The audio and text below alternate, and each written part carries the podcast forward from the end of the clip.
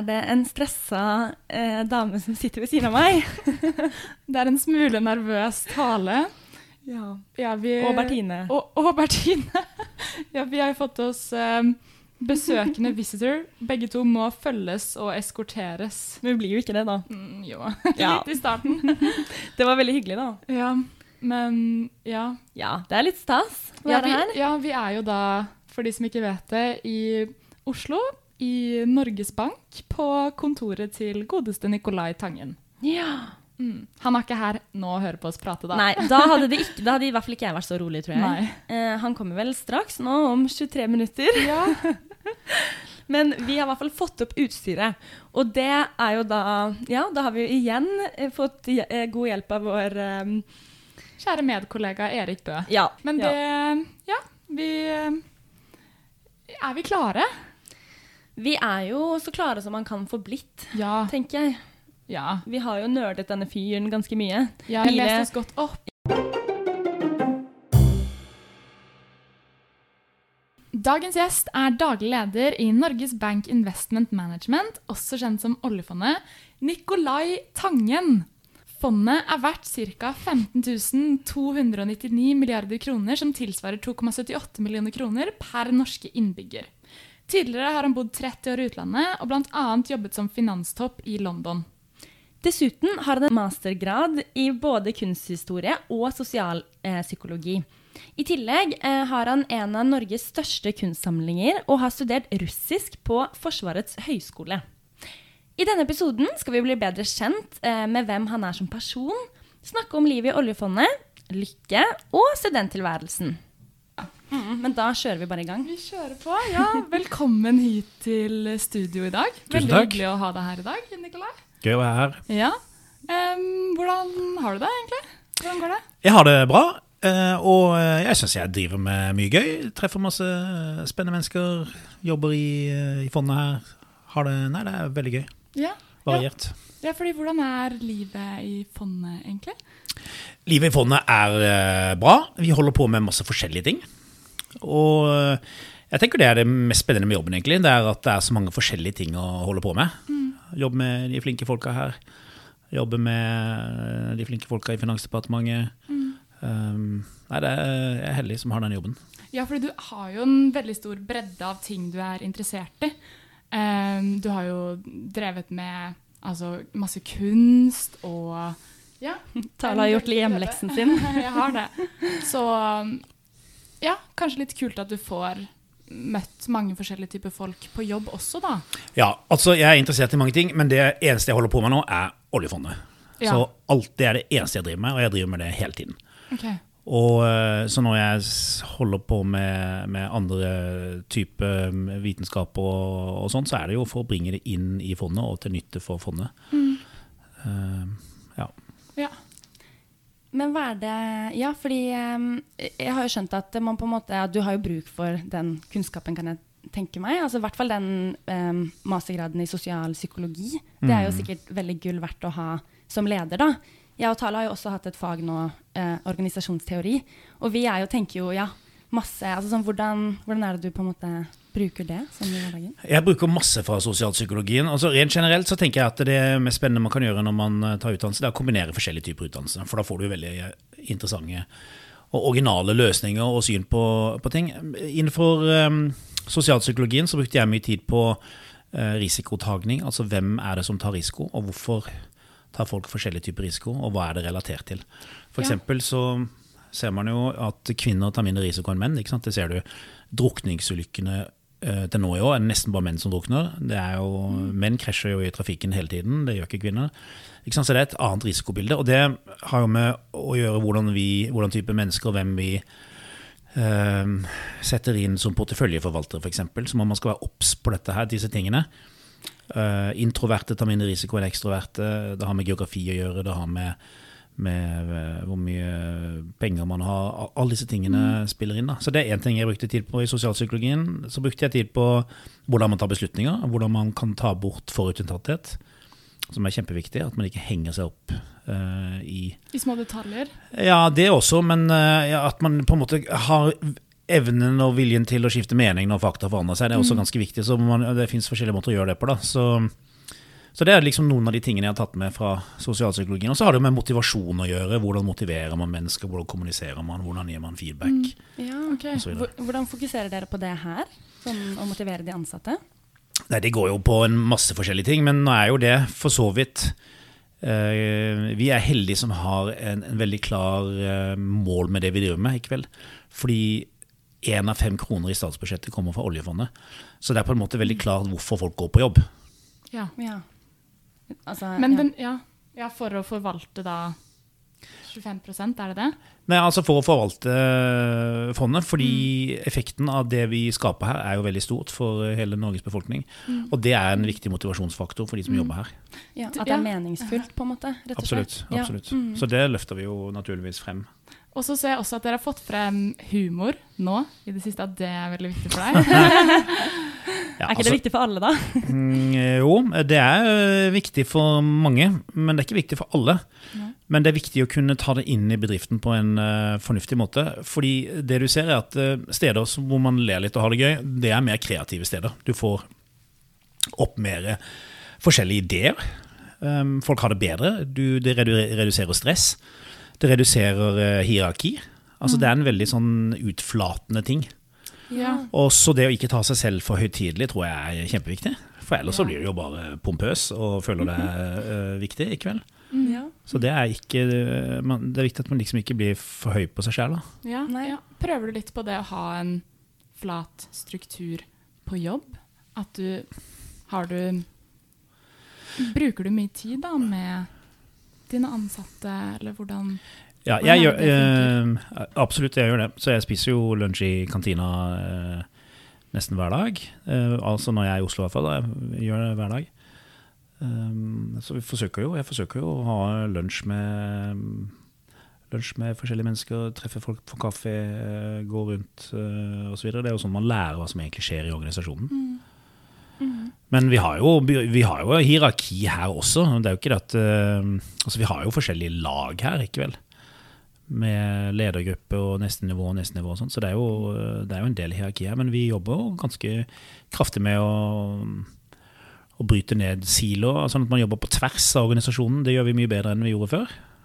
Og det er også viktig når vi har mennesker som jobber på utekontorene våre. Vi har jo storkontor både i London og New York og, og eh, Singapore. At man kommuniserer på tvers. Ja. Så vi har masse prosjekter hvor vi holder på med det. Ok, Kult. kult. Men eh, kan jeg også spørre deg hva mm, når, Siden du har ja, bredde i folkene du ansetter, hva er eh, Fordi du snakker litt om risikotaking, at det er viktig, en viktig ting å ha, og at man er motivert. Hva er liksom kvaliteter du ser etter hos en student da, som skal prøve å få seg jobb i oljefondet? Er det at du har avsnitt, eller er det bedre å ha en bredde, drevet med ting utenfor studierevy? Hva slags type studenter er det egentlig du hva, ja, ser som på talenter? Ja, nei, Vi vil jo helst at folk skal ha alt, da, men det Ja, for- har man jo ikke. Men altså, du, man må jo ha et visst eh, karaktersnitt. Fordi, og, og grunnen til det er fordi at hvis du er, hvis du er tjukk i huet, så, så, eh, så mister du, kredi, så mister du kredibiliteten. Ja. Ikke sant? Altså, du, det er så mye flinke mennesker her. At hvis du liksom sitter der og er bare helt kørka, så er det ikke sant? Du får ikke noe Det blir bare Du får ikke noe kredibilitet med de andre ansatte. Så du må ha, du må ha en viss standard. Et visst karakternivå? Nei, ja, du, må liksom, du må jo svive rundt i toppen på deg, liksom. Okay. Eh, Det er jo viktig, men det har jo sikkert alle dere, de som dere studerer sammen med. Men så er det jo viktig at du har litt bredde. At du har gjort litt forskjellige ting. Jeg syns det er viktig at du har tenkt litt utenfor boksen, gjort litt originale ting. Eh, Laget egen podkast? Uh, For eksempel. Dette er ikke, Tale, vi skal ikke pitche inn Nei. oss selv her nå. nå. Ja, men altså, jo, mer, jo mer forskjellige ting du, du gjør og kan, jo mer interessant person er du. Mm. Og jo flere mennesker kan du forholde deg til. Ikke sant? Fordi alle forskjellige aktiviteter har et slags stammespråk. Så jo mer av disse forskjellige språkene du på en måte snakker, da, jo bedre er det. Ja, det er veldig interessant. Det husker jeg, fordi jeg gikk på medisin før. Og da lærte vi det, at du blir en bedre lege av å møte forskjellige typer folk. Og det tror jeg også med leder. Fordi Absolutt. da vet du hvordan du Ja, da har du stått i den situasjonen før, da, på en måte, og Ja, har litt knagger å henge det på. Ja, det Hvorfor eh, sluttet du på medisin, da? Nei, nå, det her er jo intervju om deg, så vi kan nesten ikke stjele tiden fra deg. Jeg tror lytterne at det er det de vil høre på. Ja, men kort um, så var det vel litt at du ikke likte så godt å uh, Ja. Ja. det var ikke, hun likte ikke så godt å lese bare medisin. At du er litt mer, hun var litt mer glad i matte. Veldig glad i og- matte. Ja, Ja, så jeg. Ja, jeg måtte rett og slett Jeg, jeg elsker analytisk matte, så jeg måtte rett og slett eh, ja, gå ja, inn, dykke dypere inn i det enn uh, Viktig å skifte mening. Ja. mhm. Men Og viktig å prøve seg på mange forskjellige studier. Absolutt. ja, det har jo vi begge gjort. Ja. Så. Ja. Men du har jo også gått veldig mye forskjellige studier. Har du Ja. på en måte noen gang liksom Har du alltid fullført, eller har du på en måte noen gang Eller du har jo ja, skiftet veldig retning, men hvordan Jeg har fullført, men eh, eh, ja, så Jeg tok jo språkstudier, delvis i militæret og delvis etterpå. Så jeg studerte russisk. Og så studerte jeg eh, finans, og så etter hvert så studerte jeg kunsthistorie og så sosialpsykologi. ja. Masse Og så forskjellige. eh, kunne jeg jo egentlig tenke meg å kanskje studere antropologi. Det syns jeg virker veldig spennende. Det er utrolig spennende. Ja. Utrolig spennende. ja, fordi apropos det, du, jeg ser at det står at du er filantrop. Er det, kjenner du deg igjen i det? Eller, jeg vet ikke om det er Nei, altså Filantrop er jo et godt Det er jo et, eh, på en måte et vanskelig ord for at man eh, gir bort eh, eh, litt, litt, litt penger, da. Mm. Um, nei, altså Jeg har jo gitt bort noen penger og sånn. Jeg har jo satt opp en stiftelse. Mm, Men ja. jeg oppfatter meg ikke som noen filantrop. Jeg syns det er litt sånn pompøst ord. Ja, det er jo det. Jeg, jeg måtte google hva det var. Men eh, ja. Men ja, fordi du har jo i hvert fall eh, gått ned ganske kraftig i lønn da, for å få denne jobben som oljefondsjef. Ja, jeg oppfatter det egentlig ikke sånn. Jeg oppfatter det som at jeg er superheldig som har fått denne jobben. Mm. Og jeg har en uh, fin, veldig fin lønn her. En Mm. høy og fin lønn. Ja. ja. Ok. Kult. Eh, vi eh, har jo veldig lyst til å Men ja. Ja. Ja. fordi jeg bare lurer på En siste ting når det kommer til akkurat dem studenter. At man på en måte, i hvert fall fordi Vi går på Induc, som er et ganske prestisjestudie, hvor du skal gjøre veldig veldig mye. og du skal ha, Det er et ekstremt karakterpress, og man skal ha veldig veldig mange eh, prosjekter utenom studiet. Og meg personlig gjør veldig mye, og jeg eh, ja, føler på det karakterpresset. Men da blir jeg, jeg, blir, jeg blir litt sliten av å gjøre så mange ting, så jeg syns det er litt vanskelig å balansere det med å være Jeg er veldig nysgjerrig og engasjert på verden, men jeg syns det er vanskelig å Noen ganger blir det for mye, for Mm. meg i hvert fall. Og hva Har du noen tips, da? Sånn, siden du gjør såpass mye, er det noen ganger du blir sliten? Hva, hva skal man på en måte gjøre da? Vet du hva? Jeg tror det er få mennesker som har lest mer CV-er fra Induc enn meg. Fordi jeg går gjennom CV-ene til de Ja. som søker her på graduate-programmet og på sommerprogrammet. Så jeg har sett kanskje ja, Kanskje ikke tusen, men jeg har sett mange hundre Induc-CV. Og jeg ser nesten alle på karakterene. Ok. Oi. Og det jeg tenker på, at hvis du er kommet inn på Induc, da er du uh, smart nok til å jobbe her. ok. Jeg vil heller se andre ting i tillegg. Ja. Karakter. Og ikke karakterer. For eksempel at du har gjort ting, at du har vist initiativ. Jeg ser jo på hvor man har vært på utveksling, for eksempel. Det er ganske eh, interessant. Ok. Hvilke steder er det du Nei, altså Jo bedre steder, jo bedre er det jo. Ja. det må jeg jo si. Men hva er bra steder? da? Nei, det må dere få lov til å bestemme selv. Eh, men det å ha med seg en utveksling, det tenker jeg er veldig positivt. Og så er det jo litt om eh, hvordan sommerjobber du har hatt, hva du har gjort eh, av tillitsverv og den type ting. Så eh, når du først er på et sted som er så uh, vanskelig å komme inn på, så føler jeg at karakterene er litt mindre viktige. Har vært Men så må jeg ta en ting til, for du nevnte dette med uh, at man blir sliten av å gjøre så mange Ja. forskjellige ting. Ja, altså man må jo ehm, Man må ikke strekke for vidt heller, men det viktigste er jo at det er det man gjør, at man har lyst til å gjøre det, at man elsker å gjøre det. Okay. Så jeg husker jo, jeg hadde På podkasten vi har, da, så hadde jeg han som heter Jensen Hoang. Han er jo sjef for dette som heter Nvidia, som lager sånne mikrochips. Og så spør han hvor mye, hvor mye jobber du? Så, ja, vel, du um, You have work, and then you have, you have hard work, and then you have extremely hard work. Yeah. Så jeg, ok, hvor er du da? Extremely hard work. I work all the time. I work uh, from five in the morning until I go to bed every day. Ja. And I work every Saturday, every Sunday, every holiday. Så jeg, wow, gee, but when, when do you relax? I relax all the time. Ok. Oi, fordi han er så glad i det han Ja, gjør? ja. Ja. Så det er jo litt det, da. ja. Kanskje jeg gjør litt feil ting. Ja. Ja. Er du Men- glad i å gjøre alt det du gjør? Altså, er du virkelig passionate? Er du, elsker du de tingene du driver med? Eh, Jeg elsker noen av tingene, og så er det noen av tingene jeg gjør litt bare for å få inn bredde. Mm. Ja, så Da ville jeg kuttet de du ikke elsker, for de blir du bare sliten av. Okay.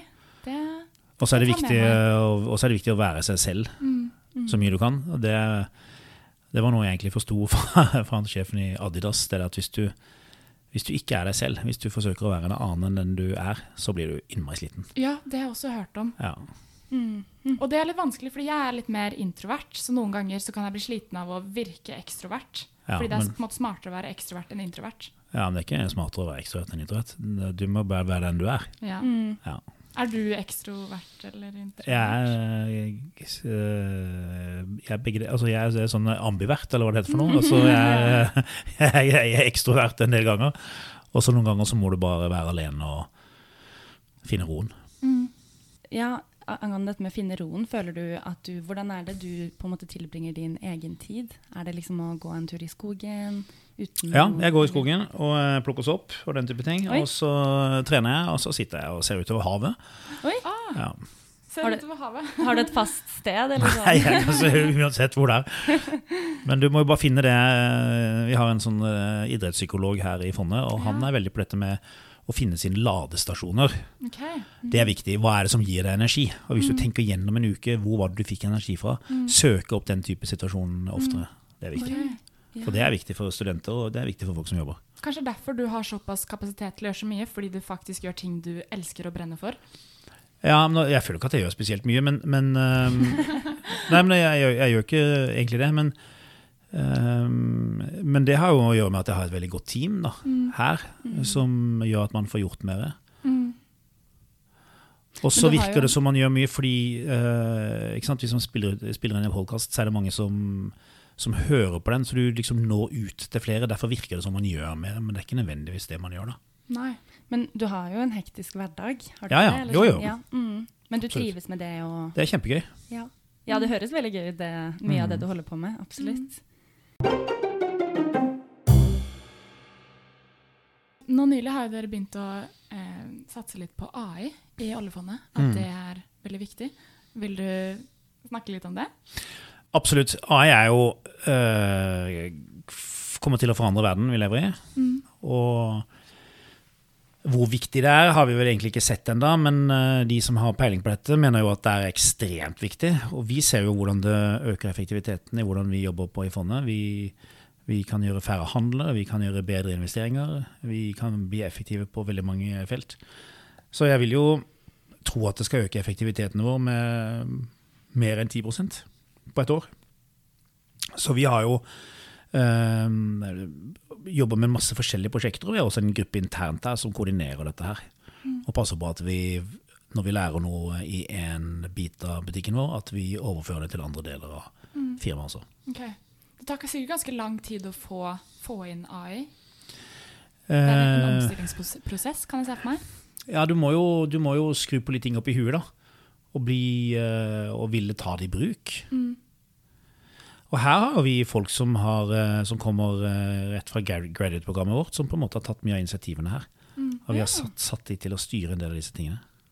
Ja, de nye, altså graduate Ja. med studenter og Absolutt. Og ja. de studentene som er her om sommeren også, de jobber i hovedsak med den type ting også. Ja, det var et par inndøkkere som jobbet i Ja, vi er ganske mange, tror jeg. Ja. ja, kult. Så dere ga dem på en måte ganske mye sånn selvstendighet og frihet da, til å på en måte utvikle det? Eller sånn? Ja, de hadde spesifikke prosjekter da, som de, eh, de som jobber i fondet hadde utviklet, og så fortsatt, og fortsatt å utvikle sammen med de. Men dere jobber mye med kulturen, har jeg skjønt. På, hvordan, altså, hvordan jobber dere liksom med ja, kulturen internt? Ja, kultur er jo mange ting, da. Ja. sant? Og, og kultur sitter jo liksom litt i veggene og er, eh, er noe som forandrer seg over, eh, over tid. Og eh, kultur har jo med hvordan du kommuniserer, det har med hvordan du deler informasjon. Det har med eh, det har egentlig med, altså Definisjonen på kultur det er hvordan vi gjør tingene her. Ja, Mm, sant det lærte vi i organisasjonsteori. Akkurat Exactly. den definisjonen Det er akkurat det som er definisjonen. Ja, ja. Og det, ikke sant? Så det innbefatter en masse ting. da. Men jeg tenker det vi har jobbet på, er jo å bli flinke til å gi tilbakemeldinger til folk. Ja, ja. Det er viktig. Eh, det å ikke være redd for å ta, eh, ta litt risiko, det er, det er viktig. Um, så det er liksom det er masse forskjellige ting som, Ja. vi, som vi jobber med samtidig. her da. Ja, fordi det henger jo kunst her oppe på de veggene. Er Ja, vi, har, vi er heldige. Vi har masse finkunst her i banken. Ja. Det er kjøpt inn av, Vi har en egen eh, komité som kjøper en, den type ting, så vi er veldig heldige. Ja. Og det hjelper jo å navigere rundt i kontorene her, for det er mange steder som ser litt like ut som de andre. Men da kan man huske hvor man er ja. på grunn av Hvilket maleri du er ved. Ja, lurt. Ja. Nei, vi, eh, ja, jeg ble i hvert fall veldig imponert over den kunsten. Og jeg kan se for meg at det også gjør mye med de ansatte. Da, at det er veldig hyggelig. Og måte, er jo, man bryr seg veldig mye om at det er fint rundt seg. på en måte. Absolutt. Eh, man skal jo ha det bra.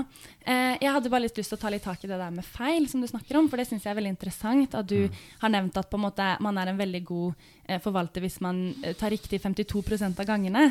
Eller ja, og, og det er jo ja, jeg tenker jo sånn, Skulle ønske det var sånn med matteoppgavene også, men, men det er i hvert fall veldig motiverende. da. Og du, ja, jeg vet at dere har mye fokus på prosess og ikke resultat. Mm. Eh, hvordan tenker du at man på en måte kan bli flinkere på det som student? Fordi da får, er det jo veldig sånn du får en karakter, og det er på en måte Da har jo egentlig ikke ja, prosessen noe å si sånn på papiret.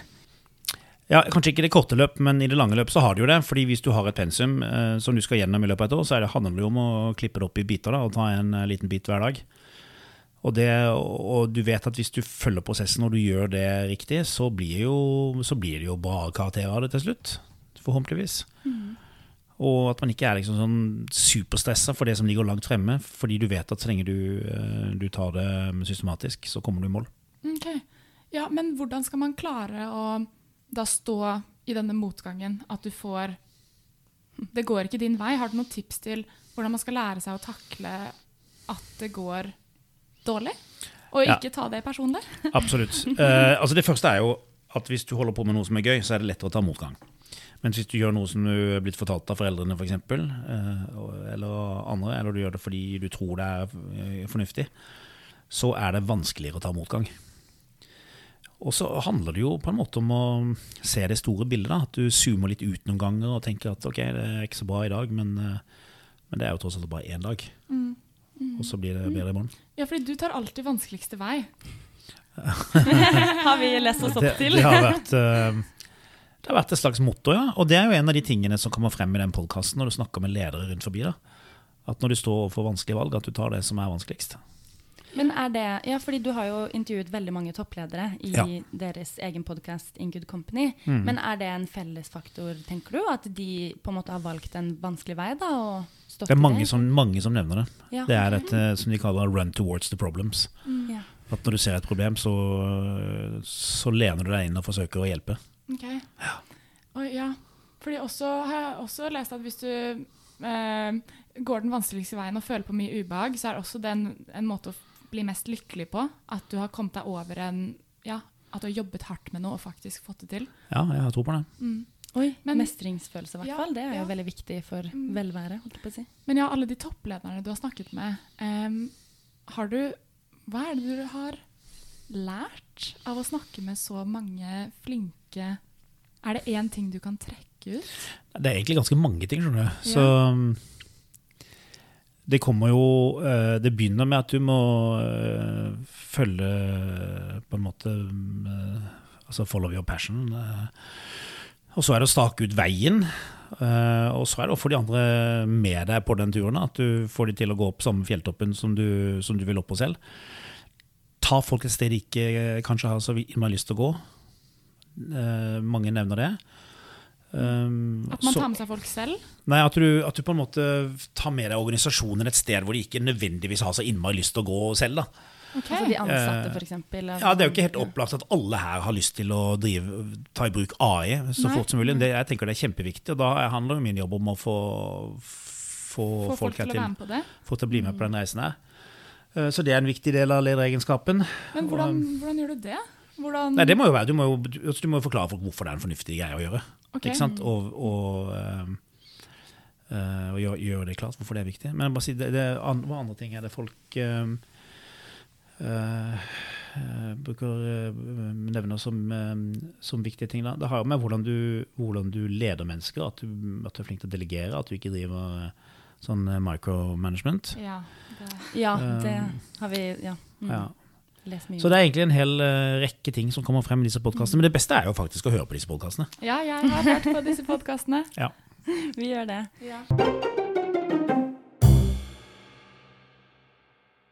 Eh, jeg har litt lyst til å snakke enda litt mer om dette med å takle motgang. da, fordi jeg tror veldig mange studenter føler seg jo sikkert litt demotiverte til tider. Og det er jeg jo sikker på at du også har gjort. Men har du noe sånn Du virker veldig positiv, eh, men, Mm. men hva gjør du på en måte hvis du føler deg demotivert? Em, ja, du sier at man skal ha lidenskap, men ja, man har kanskje ikke det akkurat til alt hele tiden. Ja, du må jo um, Du må jo finne ting som motiverer deg selv, da. Som, som gjør at du jobber hardt. Og det kan jo være at du har lyst til å ja, Det er mange grunner til at vi jobber hardt, da, men vi har jo lyst til å, har jo lyst til å vise verden. Ehm, Jeg tenker at du må, være, du må trene en god del, være i god form. Det gjør at du blir mer happy. Og så må du, og så må du gi deg selv belønninger innimellom.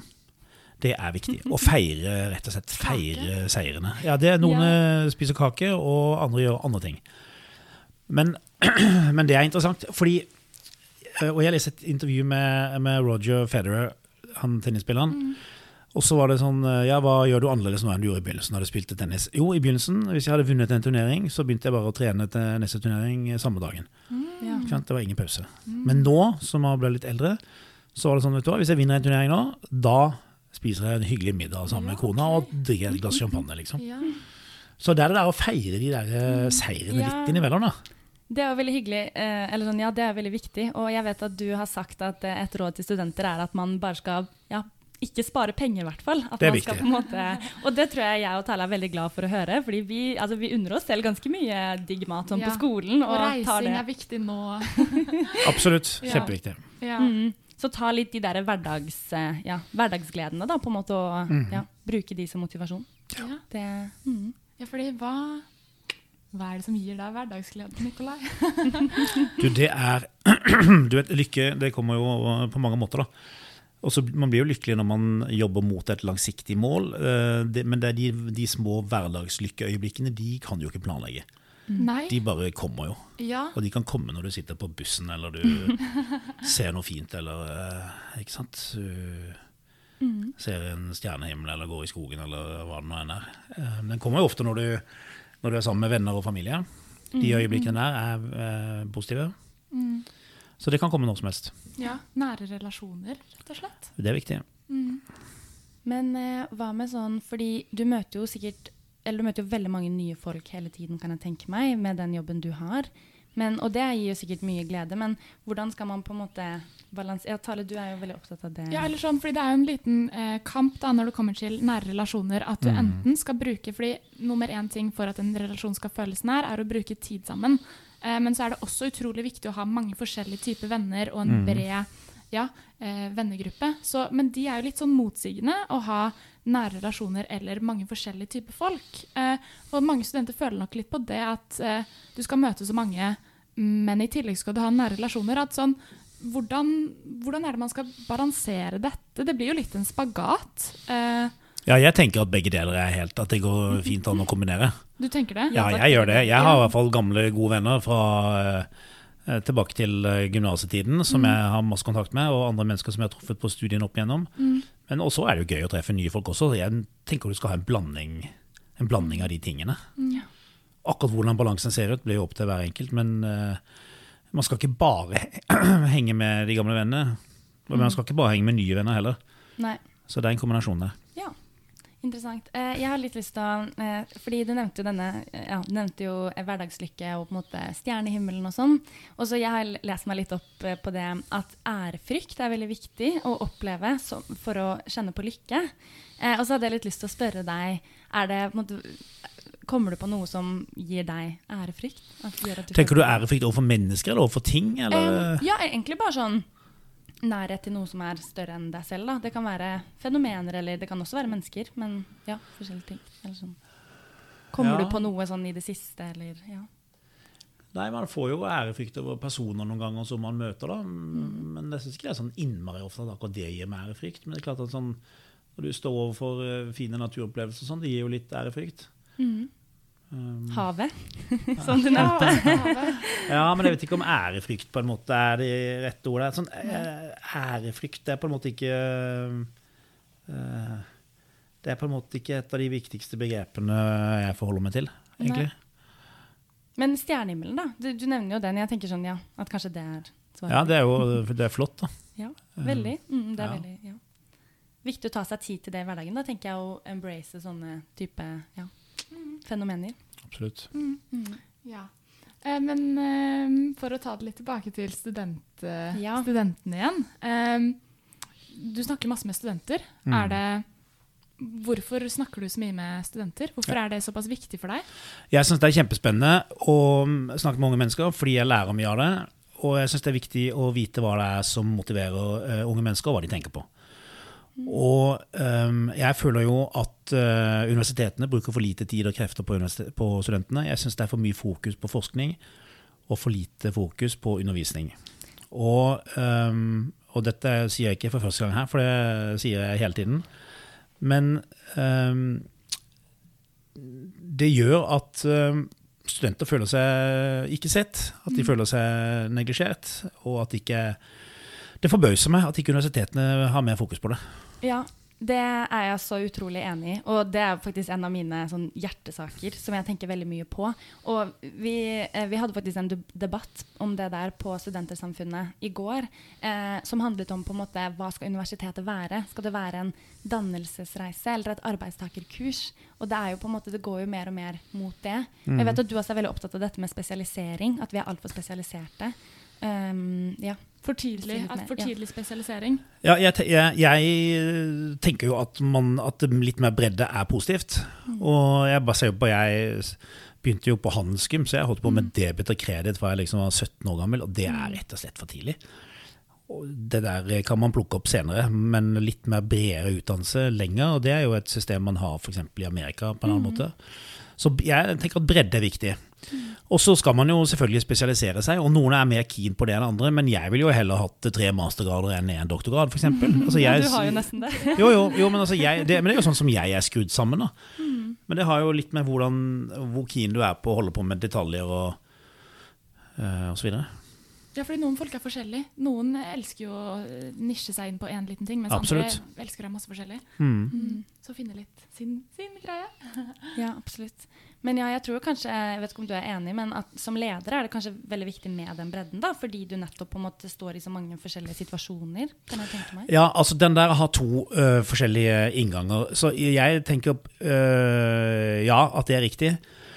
Eh, At jo mer bredde du har, jo bedre er det. Men hvis du er en spesialist, så vil du gjerne bli drevet og ledet av en annen spesialist. Ja. Ellers så har du ikke kredibilitet. ja. Og øh, jeg tenker jo f.eks. at det å lede oljefondet, at det er viktig at man da vet hvordan man skal tjene penger, fordi det er så mange som driver og investerer i fondet.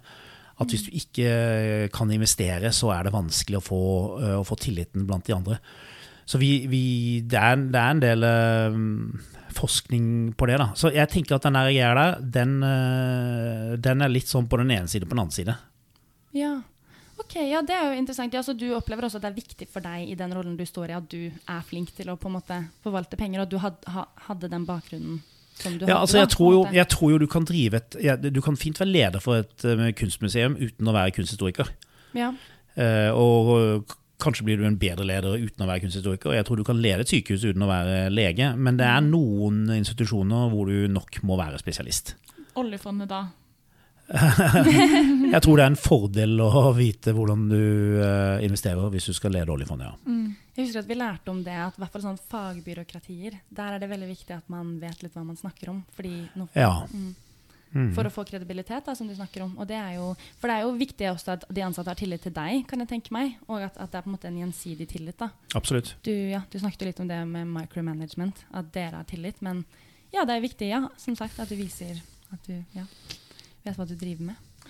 Men uh, ja, kan jeg spørre, når vi snakker om ledelse, hva, uh, hva anser du som din beste kvalitet som leder? Hvorfor er du flink?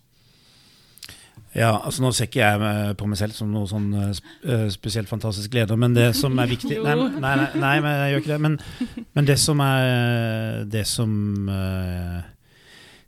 er viktig, er å, det er å motivere, da. Å stake ut en kurs sammen med de andre ansatte, slik at, du, at det er noe du bestemmer sammen. For da er folk mer kine på å dra i, i samme retning. Og så er jeg det jeg faktisk er ganske god på, det er å delegere. Og ikke Ja. trenge å ha en finger med i alt selv. Og det eh, det har, jo, eh, det har jo litt med delegering å gjøre, men det har jo også med, med dette med perfeksjonisme. Og perfekt, du, har tre, du har tre typer perfeksjonisme. Du har jo det som Du vil være perfekt, for det har du på en måte lært av mora di eller faren din at det er viktig. Uh, og så har du den perfeksjonismen som vi ser nå i samfunnet pga. sosiale medier, at vi skal være perfekte hele tiden. Mm. Men, denne her, eh, men så finnes en tredje eh, perfeksjonisme, og det er den perfeksjonismen du har som leder, og du stiller helt vanvittige krav til de som jobber for deg. Uh, og det, der er det ofte altså, sånn micromanagement, og det er mm. helt pyton, og det er det verste som fins. Mm. Ja. Det at sjefen skal blande seg inn i alt du driver med, og sjekke hvor mange desimaler du har etter komma. og den type mm. ting. Mm. Ja. Uh, og det tar bort arbeidsgleden, og det tar bort uh, gleden over livet. Mm. Og vi, vi, ser at 70% av de som slutter i jobber generelt, de har problemer med sin umiddelbare leder, og det er ofte den innblandingen som gjør folk helt sprø. Ja. Og det er jeg ganske bra til å ikke blande meg opp okay. i detaljer. Ja. Det er jo en kjempeviktig egenskap. ja, at du, ja. Og Det er også en stor del av organisasjonsteori og selskapsrett med teori X og teori Y at hvis du har tillit til dine ansatte, eh, så vil de eh, bli mer motiverte fordi du viser tillit. Absolutt. Ja. Og de vil også faktisk prøve å gjøre det bedre, da. Ja. Eller, eller sånn, ja, det er en selvoppfyllende profeti. Absolutt. Mm. Ja. Mm. Nei, det er Ja. Utrolig interessant. Og eh, det er jo altså sånn, Det kan jo være sikkert skummelt også i starten å på en måte skulle gi fra seg hvis man er vant til å ha det selv, men eh, Ja, men Det kommer an på hvem du gir det, gir det til. Her, Ja. her gir jeg jo, gir det jo til folk som er flinkere enn meg selv. Og Ja. er nei, men altså, det, altså Ja. Totalt seriøst. eh, ja. De som gjør de forskjellige jobbene, er jo bedre enn meg til de jobbene. Mm. Fantastisk. Um, jeg lurer på om vi nesten må hoppe til siste spalte. Vi må nesten gå til Vi har en sånn fast spalte som vi gjerne vil komme oss gjennom i denne podkasten. Da gjør vi det. Ja, så uh, vi har sånn uh, Vår første spalte er topp tre. Og du er jo utrolig glad i bøker, Nikolai. Det har jeg sett på LinkedIn. så jeg lurer på om du har dine topp tre boktips til en student. Og ja, begynn nederst, og så tenker du deg litt oppover. Ja, altså Det blir jo ofte noe av det siste man har lest. da, og, Men hvis det skal være litt sånn faglig relatert, så har jeg akkurat lest en som heter Perfection Trap. Som går på dette med perfeksjonisme. Jeg syns det er veldig spennende. og pod, eller vi, har, vi har laget en podkast om det som kommer ut snart. Uh, så den Perfection Trap vil jeg anbefale. Så leser jeg mye av de bøkene til uh, Adam Grant. Jeg ville kanskje tatt den som heter uh, Think Again. Som handler om evnen til og, og viktigheten av å stille spørsmålstegn ved egne, egne oppfatninger. Um, ja, det er de to som på en måte jeg har lest i det siste som jeg tenker er veldig sterke. Ja. Du kan godt komme med en som ikke er faglig også, Ja. hvis du har en, En bare sånn favoritt skjøn, skjønnlitterært, kanskje? Ja, uh, hva er det jeg har lest uh, i det siste, da? Og jeg er gjennom øh, ganske mye forskjellige bøker. Skal ja, se. Det kan være i livet også, altså bare en gammel klassiker, eller Det er i hvert fall jeg veldig Eller i. Ole i. Brumm. Nei, jeg tenker man må lese øh, noen av de gamle russiske klassikerne. Oi. Nei, men altså Sånn som Anna Karenina, altså noen av de hovedverkene i litteraturhistorien. De er jo Ja. fantastiske. Ja, Ja. kult. Det var dine, ja, din topp tre. ja. Takk for det. Um, ja, og så er det også sånn at vi Du har fått et spørsmål fra den forrige vi eh, hadde med i podden. Eh, som da er lederen i Effektiv altruisme eh, NTNU. Hun heter Nora Kyte. Og dette var da uten at hun visste at det var deg, da. Um, og hun lurte på hva er ditt beste minne fra studietiden? Det var kanskje den første hytteturen vi hadde da jeg, jeg gikk ett år på Handelshøyskolen. Og da hadde vi eh, en hyttetur ganske tidlig i, eh, i det året. Og da, Det var veldig gøy. Ble kjent med masse mennesker, og det var skikkelig Det var bare rett og slett skikkelig moro. Hva gjorde dere på den hytteturen? Ja, det tror jeg ikke vi skal ta på lufta, nei. Konfidensielt. Konfidensielt. Vi kan ta det etterpå. Ja. Ja, OK. Hm, kult. Kult. Eh, ja, og så har vi jo Ja, Tale, vil du si hva det siste er? Ja, helt til slutt så skal du få lov til å eh, stille et spørsmål til vår neste gjest, og da kan det være ja, Hva hva, som som helst. Uten å vite hvem neste gjest er. Ja, da tror jeg jeg vil spørre hva er det som egentlig driver deg? Ok. Med vekt på egentlig. Altså hva er det underliggende som driver deg mm. som menneske? Hva er drivkraften din? Ja. Jeg hører jo på disse podkastene som Ja. heter Drivkraft. Ja, du har jo vært med der også. Det har jeg også, men, eh, men det er jo et interessant spørsmål. Ja. Og hvis man skal være helt ærlig, så ikke sant, altså grave helt ned, så er det et veldig spennende spørsmål. Ja. Det er det. Um, ja, fordi du var jo med i den Drivkraft-podkasten, og da husker jeg at du nevnte at du syntes at det var den beste podkasten. Uh, og så lurte jeg på hva, hvorfor, er det, ja, hvorfor er du så fan av den podkasten? Jeg syns han, kom, det, jeg synes, eh, han som heter Vegard Larsen, som driver dette, jeg syns han stiller ekstremt gode spørsmål. Og, og jeg syns det er viktig å se hva det er som er drivkreftene til mennesker. Eh, Vegard Larsen er også så hyggelig at han hører gjennom uh, de podkastene vi har, for å se hvordan han syns vi kan gjøre det bedre. Ok. Så eh, Ja, så dere får tips fra han, rett og slett? mm, Ja. hvordan man kan stille bedre spørsmål, og hvordan man kan forbedre det. Okay. Ja. Eh, veldig, vi snakket jo litt om kommunikasjon i stad, men du har jo også snakket mye om dette med lytting. da, Og det tenker jeg i hvert fall er viktig når det kommer til intervjuteknikk. Men eh, Anser du deg selv som en god lytter? eller Det er jo sikkert viktig som leder òg. Det er viktig når man gjør podkast at man, du skal jo drive samtalen frem, men du skal også lytte og du skal også um, stille oppfølgingsspørsmål. Sånn at hvis det kommer interessante ting, så må du ikke bare gå videre. Du må, du må følge opp med Grave nye det som spørsmål. Du synes. Du må grave litt i gørra, ja. Og det er kunst å klare det. Mm. I hvert fall sånn på tampen, ja. Ja. Det har jo vi fått prøvd oss på i Ja. dag. Det er jo noe man lærer stadig Ja. Ja. Men Nei. det var utrolig gøy å prate med deg. Eh, det var, ja, jeg i hvert fall eh, Ja, tusen meg takk for at du har vært med på episoden her. Jeg tror mange studenter setter pris på det. Kjempegøy at du kom. Tusen, Ja. tusen takk for at du tok deg tid. Tusen takk, Nikolai. Hvis ikke du har noe siste å si til eh, Induc-studenter der ute, holdt jeg på å si. Stå på. Ja. Eh, Jobb hardt, og husk å ha det gøy. Yes. det er det viktigste. Det er fine avsluttende ord. Veldig bra. Ok, Flott. tusen takk. Ha det. Ha Ha det. det bra.